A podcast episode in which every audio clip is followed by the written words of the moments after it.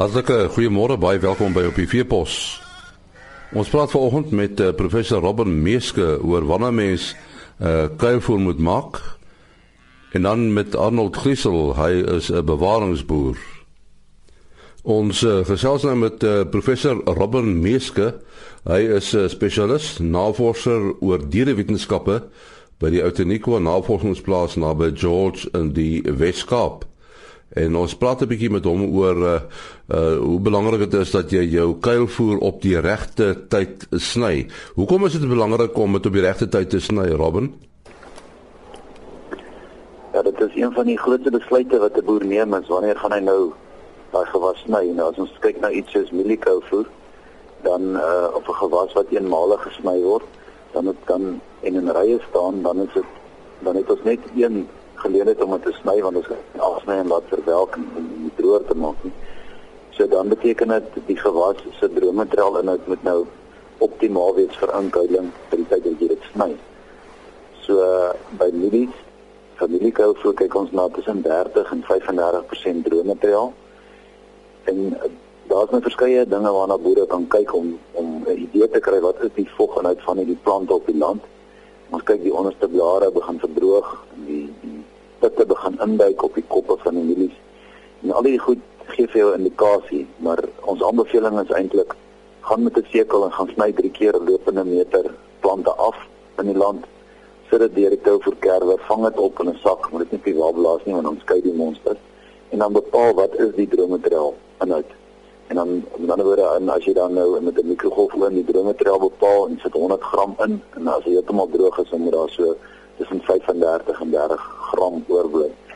Die die probleem is as ons sê maar mielies te vroeg kuil, dan beteken dit die volgenhoud is nou te hoog of die, of uh, andersom gesê die droommateriaal is nou te laag. Wat gaan gebeur? Uh, ons gaan die materiaal maklik kerf. Ons sou dit in die banke nou loop af vog uit die banke uit. Dit dis voedingsstowwe wat verlore gaan. En wanneer ons mielies voordat graanvulling ordentlik plaasgevind het, gevind het, ehm um, sny, dan kan ons tussen 10 en 15% van die opbrengs verloor. So al wat gebeur is die koste word 10 tot 15% hoër.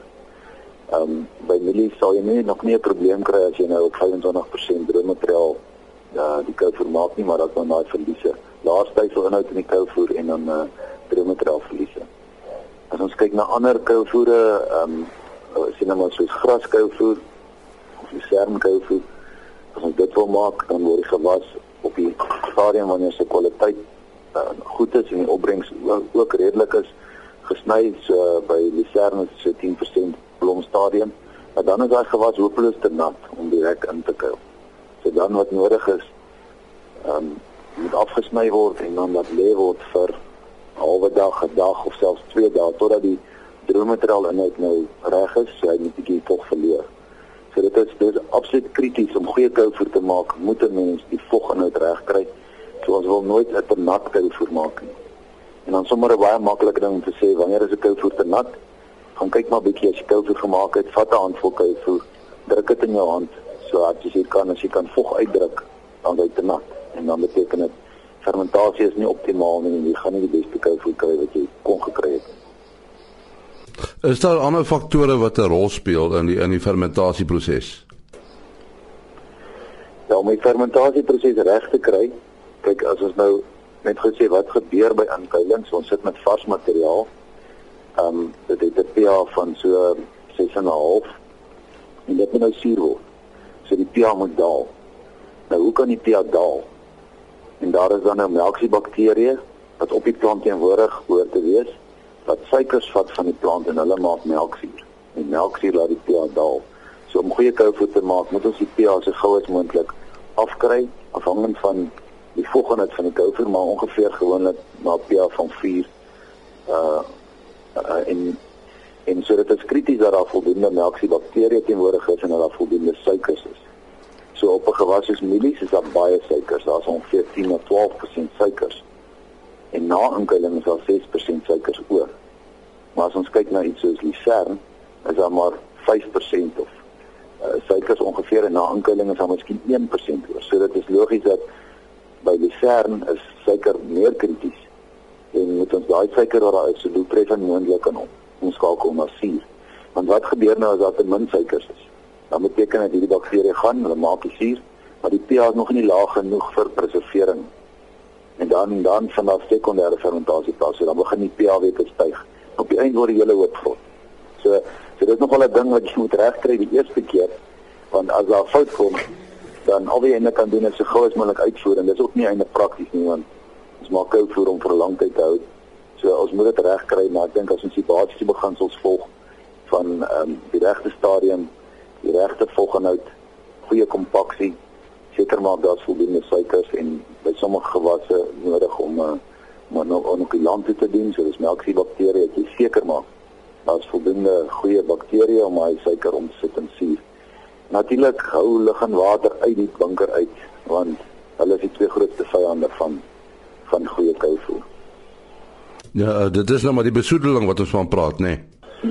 nee, kyk, ons moet dit is moeilik grond in die bunker in te kry want saam met die grond kan dan nou Clostridia en ander bakterieë aankom maar dit boot dit as moet seker maak dat dit nou nie van modder inry nie. Maar ehm um, die lug is nie soort van 'n besoedeling nie waar al wat gebeur is wanneer die kuivoer gevorm is is dit wanneer al die lug klaar uitgesluit is. En die melksiebakterieë het dan nou die pH gelaat daal maar die oomblik wanneer lug indring dan kan hierdie lae pH nie meer kuivoer beskerm so kuivoer gaan warm word wanneer lug inkom hierdie en dit gebeur omdat giste en swamme is teenwoordig in daai kuivoer en sodra maar hulle het lug nodig om te groei sodra lug indring dan begin hulle groei die pH begin styg, die koue word warm en eintlik beweeg ons nou na 'n komposteringsproses toe. En en die, die rol van water?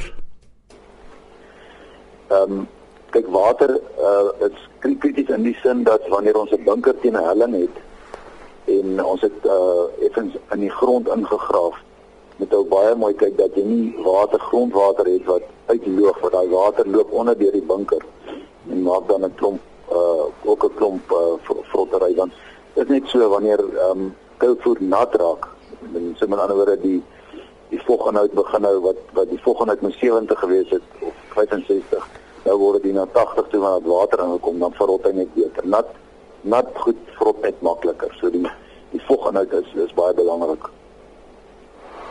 Ja, ons sê baie dankie aan uh, professor Robben Meeske. Hy is 'n spesialis navorser oor dierewetenskappe by die Outonico Navorsingsplaas naby George in die Weskaap. Ons uh, gesels nou met Arnold Griesel van die plaas Groot Suurfontein en uh, ons gaan 'n bietjie met hom praat oor bewaringsboerdery.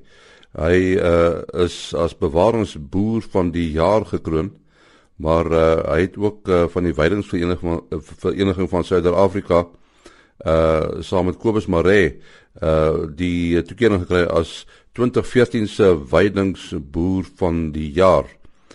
Uh Arnold, vertel ons net eers waar en watter omgewing boer jy? Uh ek boer hier so tussen Betulie en Springfontein in die Suid-Vrystaat. Hoofsaaklik op Karoo-agtige grond en ook skyn Karoo veld. Uh wat het gebeur dat jy besluit het om uh jou te wend tot bewaringsboerdery? Ek is uh oorspronklik nie 'n boer gewees nie. My ouers het groot geword ek bly op 'n woonplaas. Maar dit my met my beroep was die van 'n bedryfsekonoom en ek was die hoofbestuurder uh finansiële bemarking by die Italy Development Finance Corporation vir meer as 20 jaar. Ek het toe kom boer toe ek 50 was en toe ek plaas toe gekom het ek 'n stukkie grond aangekoop en die grond was nie in 'n goeie toestand gewees nie en ek het rondgeval om uit om te probeer pogings aanwend en met metodes te vind om die grond te verbeter.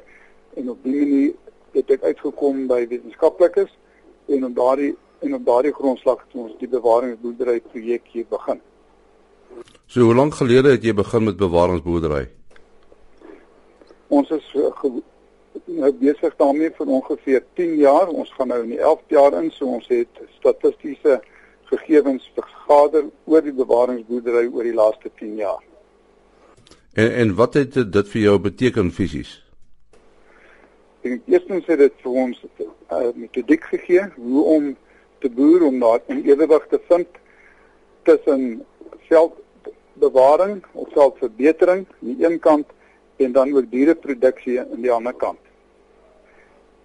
En die hele poging was gewees om 'n balans te vind tussen die benutting van veldpotensiaal, optimale bewitting daarvan, maar terselfdertyd ook om diereproduksie optimaal binne daai raamwerk te bevorder. Jy jy het gesê dat die veld nie in 'n goeie toestand uh, was nie. Uh wat het jy toe gedoen om die veld se toestand te verbeter? Ons het met 'n wetenskaplike poging begin en die metodiek was om 'n uh, veldstelsel eers te ontwikkel wat ons gedoen het 'n driekant veldstelsel met vier ritme seisoene. Aan die ander woorde ons sorteer die bewyding op die plaas op so 'n basis dat de, elke gedeelte van die veld op 'n sekere deel van die jaar bewy kan word en daar genoeg rusperiodes is. Dit het meer gebring ook dat ons na die kampstelsels moes kyk en dan ook die herverdeling van kampgrootte sodat die kampstelsel doelmatig aangewend kon word. Nou, hoe lank het dit gevat vir die veld om te herstel nadat jy begin het met die metode? Veldverbetering is 'n langtermynprojek die die veld het verbeter en ons het werklik tekens van goeie verbetering nou bespeer die laaste 3 jaar, 4 jaar. Maar dit is nog steeds maar net 'n proses. Die, verbetering van die veld is ongeveer 25% oor die termyn. Sekere dele van die veld natuurlik het baie baie verbeter waar die veldtoestand beter was. Die swakker gedeeltes reageer stadiger en ons sien nou eers die resultate na 10 jaar waar die veld op sy swakste was. Uh, vertel ons 'n bietjie van jou jou stoet. Wat wat is soort stoet is dit? Ek het 'n uh, eh, rooi koenskop stoet wat ek geregistreer het in my skoonpaad met rooi koenskoppe geboer en toe ons die projek begin het, het ons ook gekyk na diereverbetering en die uh, diere is toe in 'n stoet gebring en ons het redelik goeie resultate daar behaal. So was die die stoet op die plaas toe toe jy daar gekom het? Nee, ons het Westpoolskop diere hier gehad, maar die stoet is geregistreer so ongeveer 7 jaar gelede. En uh daarvandaan het ons probeer die diereproduksie verbeter met natuurlik ook die teelmateriaal. Ehm um, die diere was goeie diere gewees en dit het ontwikkel dat ons laas jaar in 2014 'n goue toekenning gekry het by Stamboek wat beteken dat ons resulteer so ongeveer onder die top 10% van Stamboek se geregistreerde stoet vir die uh, uh, gebaseer op die kriteria wat hulle gebruik om hierdie toekenninge te maak. Kinderlik doen hulle goed op op die veld wat jy het daar, né? Uh die ons probeer dit net op veld want die diere kry nie uh lekker nie tensy daar buitengewone omstandighede is. Dit is dit geld vir beide die uh rooikoenskop beeste maar ons is natuurlik vir hoofsaaklik skaapboerdery. Ons boere met suiwer merinos, die gladde lyf rooi, die gladde lyf ehm um, veel bek tipe skape. En uh, wat is jou toekomsplanne Arnold? Ons dink daar's 'n goeie toekoms vir die boerdery. Daar's beperkings wat ons het. Uh, ons is 'n uh, koste druk programme. Die, die boerdery het natuurlik die ding die druk op aan die algemeen op die ekonomie van skaal. Maar uh op die oomblik is dit nog so dat 'n mens wel lewensvatbaar kan boer. Jy jy, jy het nie predasie probleme daar nie. Ons het predasie probleme. Uh ons het allerlei metodes om dit te probeer doen, hoofsaaklik maar met slaghuisers. Uh en dan ook probeer die rotering van waar die diere veral voorkom en ons doen uh predasie verwering of of of uh camping gesamentlik met ander boere waar byvoorbeeld helikopters inspan om diere te kom uitskiet. Nou dit was aan Arnold Griesel, uh, bewaringsboer en uh, ons het met hom gesels oor uh, hoe hy sy plaas bedryf. Môreoggend om 4 voor 5 is ons weer terug met op TV Pos. Tot dan, mooi loop. Ah.